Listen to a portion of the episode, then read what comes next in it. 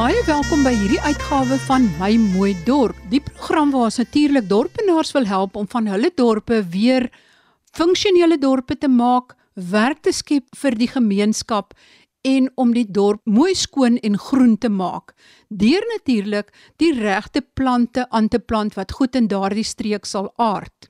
Daarom konsentreer ons vandag op 'n verdere gesprek oor die Oos-Kaapse Ruigteveld. My gas is natuurlik die plantkundige Dr Erns van Jaarsveld wat tans betrokke is by Babylon Storen.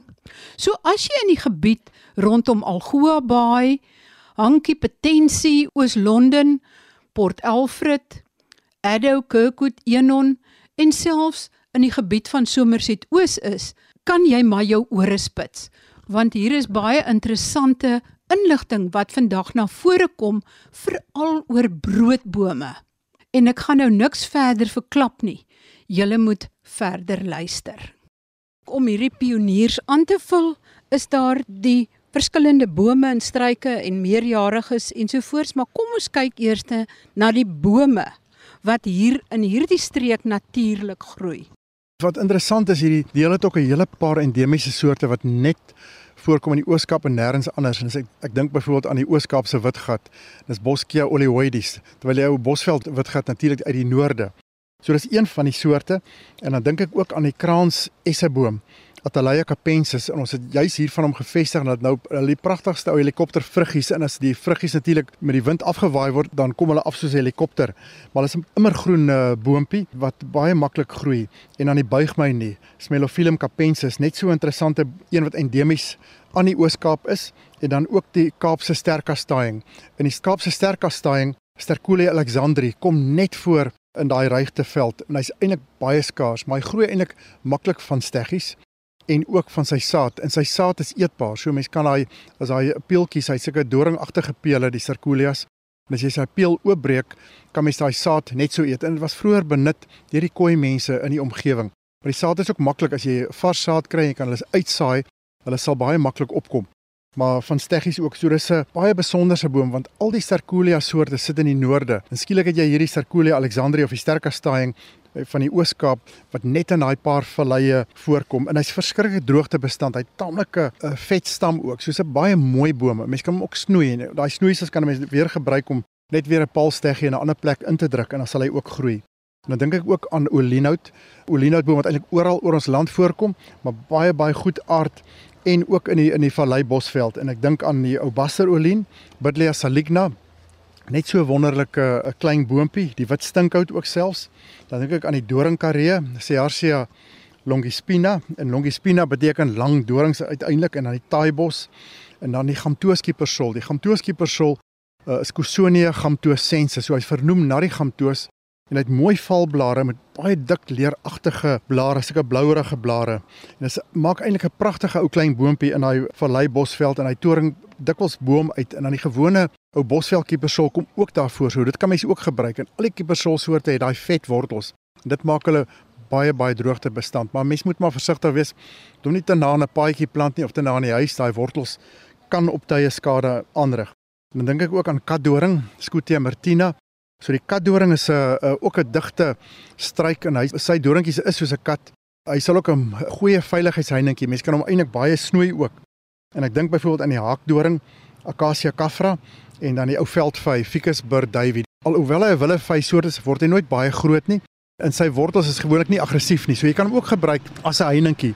Maar ek weet die mense wat bonsai uh, boontjies maak van hom en dis een van die beste boontjies wat bonsai potensiaal het, is die ou veldvy.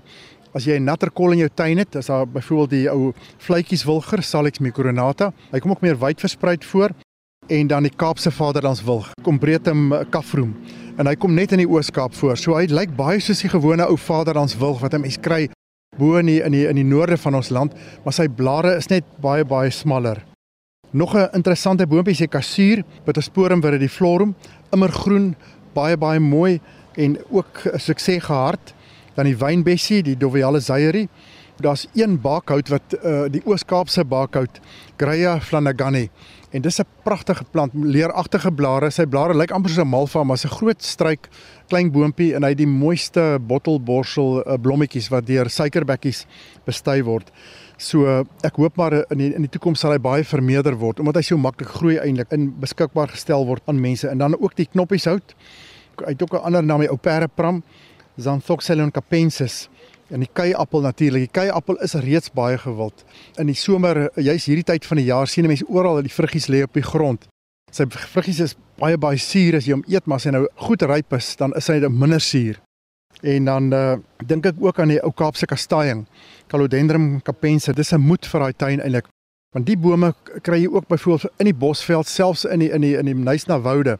Maar wat hom besonder maak, altyd hier oor Desember en in Januarie het hulle daai besonderse pink blomme wat daai sommer sulke kolle in die bos en ek is seker maar jy jy's wel bekend met hulle daar in, in die Oos-Kaap. En hy groei maklik. Soos hy eers gevestig het, hy behoort ook aan die sitrusfamilie. En dan dink ek ook aan die gewone ou ou geelhout Podocarpus falcatus wat ook 'n geharde uh, boom is. Hy het klein sekelvormige blaartjies en gelukkig sien ek hom baie in in die Oos-Kaap soos die mense hom aanplant. So hy, alhoewel hy in Nysna woude voorkom ook 'n baie reusagtige boom word, in ander omgewings soos die Vallei Bosveld bly hy kleiner uit 'n pragtige kruin, maar mens moet nooit afgeskrik word vir 'n boom wat te groot word nie want jy kan hom altyd dissiplineer deur te snoei. En dis wat die bonsai mense ons leer. Jy kan 'n jy kan 'n boom eintlik hou so groot as jy hom wil hê, maar dan moet jy hom gereeld snoei en net kleiner hou. En dan dink ek ook aan die ou rivierblompeer, Dombaya simosa, pragtige klein boontjie en die ou willeprym. Willeprym kan ook taamlik groot word, die Harpephyllum caffrum, 'n mooi immergroen. En natuurlik die ou nieshout. Die ou uh, nieshout is uh, Teroxerin obliquum en hy het so harde hout in hy hout wat hom besonder maak, uh, Marie sê hout is is gegeur. En dit laat jou regtig nies. So die mense wat met hom gewerk het en hy's so hard, so hy's vroeër jare en nog steeds vandag word hy soms vir heiningpale gebruik. En as jy so 'n heuningpaal in die grond geplant het, niks vreet hom nie. Want hy juist daai chemiese afwering wat vir die gogga sê, kyk, ek is taboe, jy kan nie aan my vreet nie. En uh, dis juist daai chemiese afwering en dis wat daai plante so gehard uh, maak. So die en hy is gelukkig, hy is beskikbaar by sommige kwekerye, ou die ou nieshout en hy word ook vir medisyne ook gebruik. Dan dink ek ook aan die ou boerboon wat baie baie goed daar aard met sy mooi uh, rooi blomme en dan die Kaapse koraalboom Erythrina caffra. Die koraalbome weer wat hulle besonder maak is jy kan net 'n tak afbreek en in die grond plaas en dan groei hy. Maar tydsberekening is altyd belangrik want dit is die beste altyd om 'n boom te verplant of 'n steggie te maak of so 'n groot paalsteggie in die middel van die winter as hy plant rustend is. So en dan sit jy hom in sy nuwe gat en jy maak hom net toe. Teen die lente tyd skrik hy wakker en hy besef hy het nie wortels nie. En gelukkig daai met die koraalboom hy het genoeg vog in sy stam, dan maak hy sy worteltjies uit die kallisweefsel wat hy intussen gevorm het en dan begin hy groei. So dis 'n wonderlike boom en dan die ou ou tierhout of die tierhout soos party mense hom noem, dis Loxostylus uh, alata, net so 'n pragtige klein boontjie en ook wat baie mooi herfskleure het die laaste een wat die, die ou taaibos wat ook baie wyd versprei voorkom sê Arsia pyroides. Die taaibosse as jy 'n pragtige digte boskasie wil hê, hulle het ook baie mooi herfskleure so oranje regie in die, in die laat herfs winter. Dan is daar natuurlik 'n hele paar bome met pragtige argitektoniese vorms. Ek trek sommer los en ek sien hierso dit is die withaar broodboom. Maar vertel ons meer van hierdie broodboom en ook van die ander met hierdie mooi argitektoniese vorms.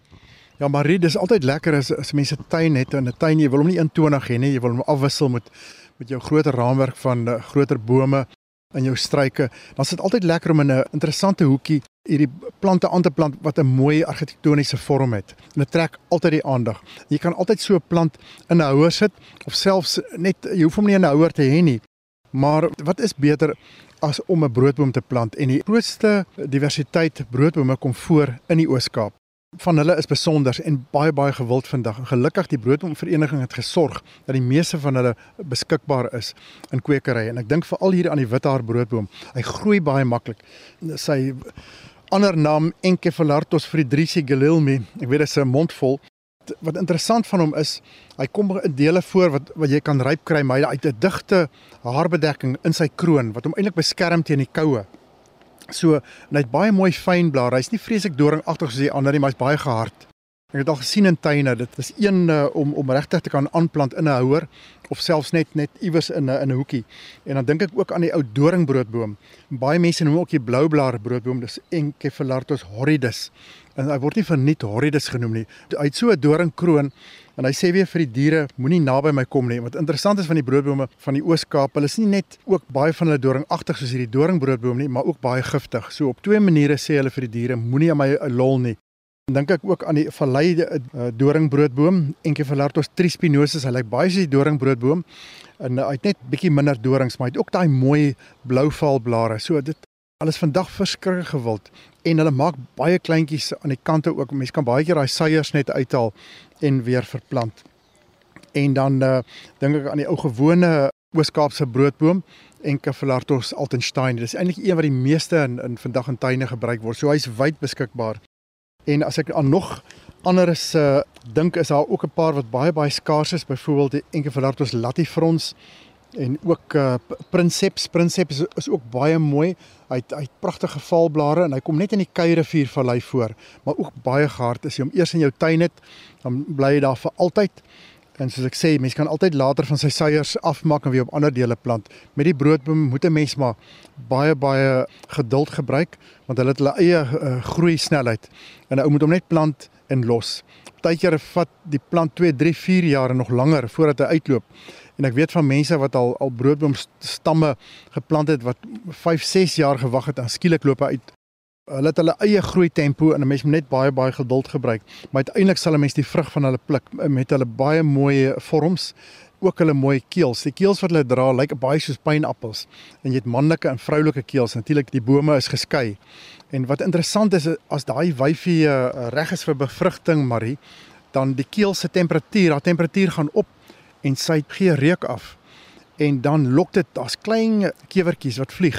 Hulle sit gewoonlik in die mannetjies en sit hulle vol van die styfmeel in die mannetjie keel. En soos daai wyfie reg is vir bevrugting en sy temperatuur is bietjie hoër en dan sy gee daai daai geur af, dan word hy skibbe los. Dan vlieg daai klein kewertjies tot binne in tussen die skibbe in omdat dit lekker warm is. Hulle ruik daai wyfie en soos hulle aan daai daai saadknoppe raak, onmiddellike bevrugting want hulle het nie 'n vrugbeginsel is naaksade geplant het.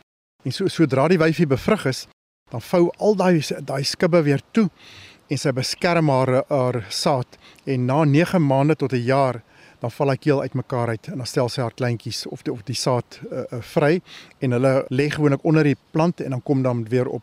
En wie hulle versprei is gewoonlik byvoorbeeld die blou ape, bobbejane en ook van die byvoorbeeld van die groter uh bromvoëls en so meer. Maar is eintlik giftig. En dit het Janie Smits ook gou geleer met sy troepe wat hom gevolg het hier op die op die Suurberg in die Anglo-Boereoorlog.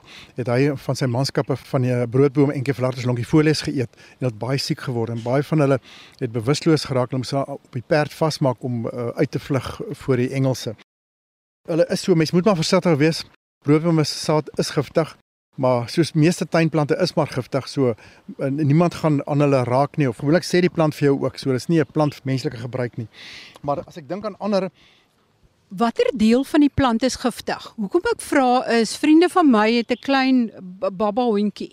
Die hondjie het aan hulle broodboom gaan eet, 'n hondjie wat aan alles kou en hy het toe baie siek geword maar is dit die keels of die sade en my navraag aan die eh, vergiftigingssentrum het gesê hulle kry nie eintlik mense wat aan broodbome kou nie. Dit is nie vir mense so groot probleem nie omdat dit dorings het en mense gewoonlik nie daaraan kan nie. Maar vertel net vir ons meer, hoe werk daai vergiftiging? Ja, ja, ja Marie, kyk dit dis die plant se manier om vir die diere sê moenie meer kom eet nie.